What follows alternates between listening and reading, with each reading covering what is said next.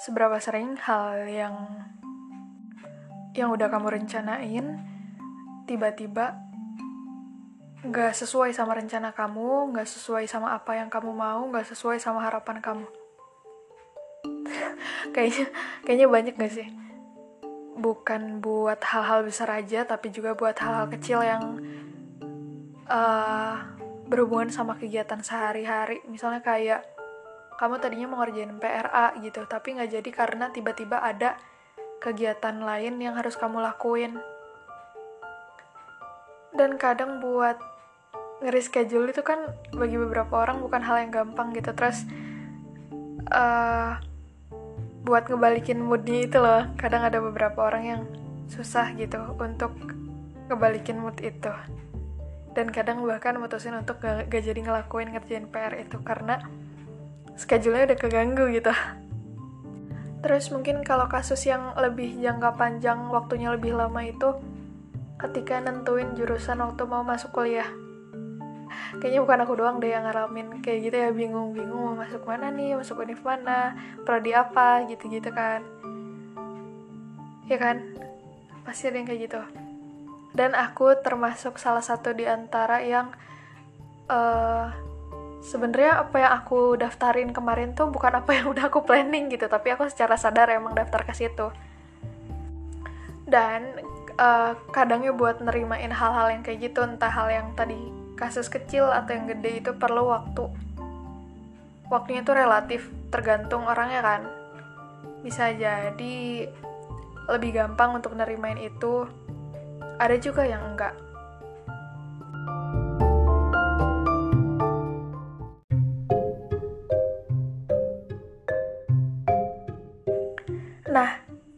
bisa dipungkiri sih pasti gak sedikit gitu dari kita ketika mendapatkan satu hal yang gak sesuai sama harapan kita itu ngerasa kayak kok gini ya? gitu kan.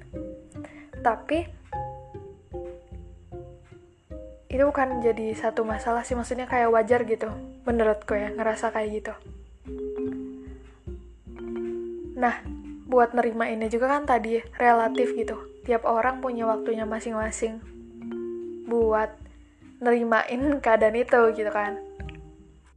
Tapi kalimat apa yang udah tetapin apa yang Tuhan udah tetapin itu adalah apa yang paling baik buat kamu adalah satu kalimat yang bener banget menurut aku. Ya. Walaupun emang kadang nggak kerasa langsung gitu si impactnya tapi nantinya tuh kayak kepikiran ada gitu satu fase yang nyadar yang bikin sadar kalau misalnya oh iya ya untungnya jadinya aku tuh milih ini waktu itu gitu. Untungnya aku kemarin masuknya ke sini gitu. Soalnya kalau misalnya ke sana aku nggak akan jadi aku yang sekarang.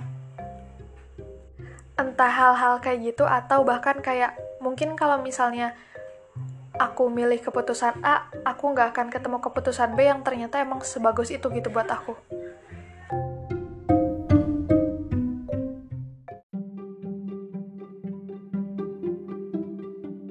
Susah buat nerimain apa yang sekarang aku dapetin bukan apa yang aku harapin. Itu juga sempat aku sempat aku alamin gitu.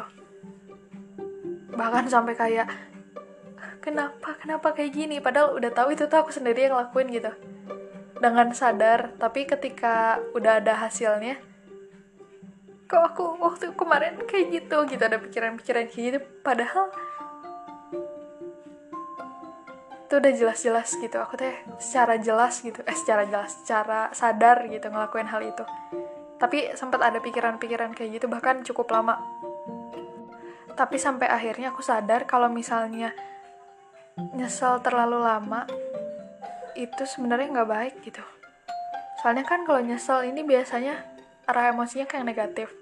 Nah terus kalau misalnya terlalu lama larut dalam kesedihan nyesel tapi nggak ada sesuatu yang kita lakuin. Ngapain gitu?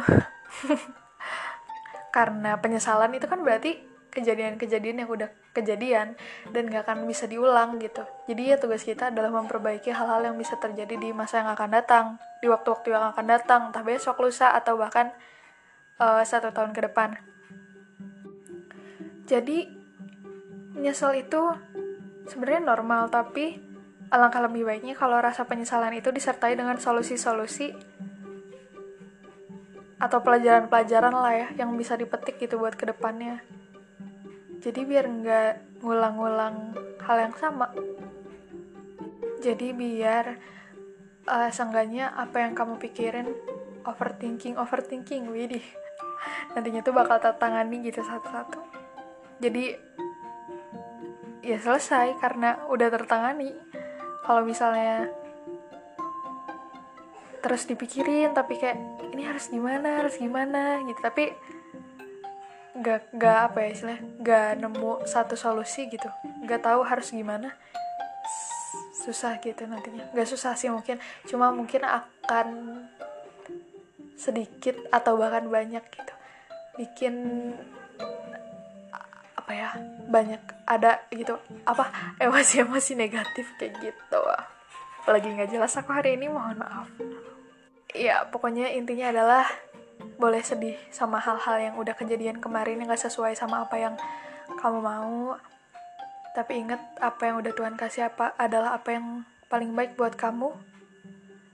Dan kalau misalnya nyesel sama sesuatu alangkah lebih baiknya kamu bikin sesuatu yang bisa jadi satu hal yang bikin kamu lebih baik di hari esok atau seterusnya. Pokoknya jangan lupa balik lagi ke sini karena di draft Jadin salah balik lagi ke draft Jadin karena draft-draft yang ada bakal aku ceritain. Thank you. Dadah.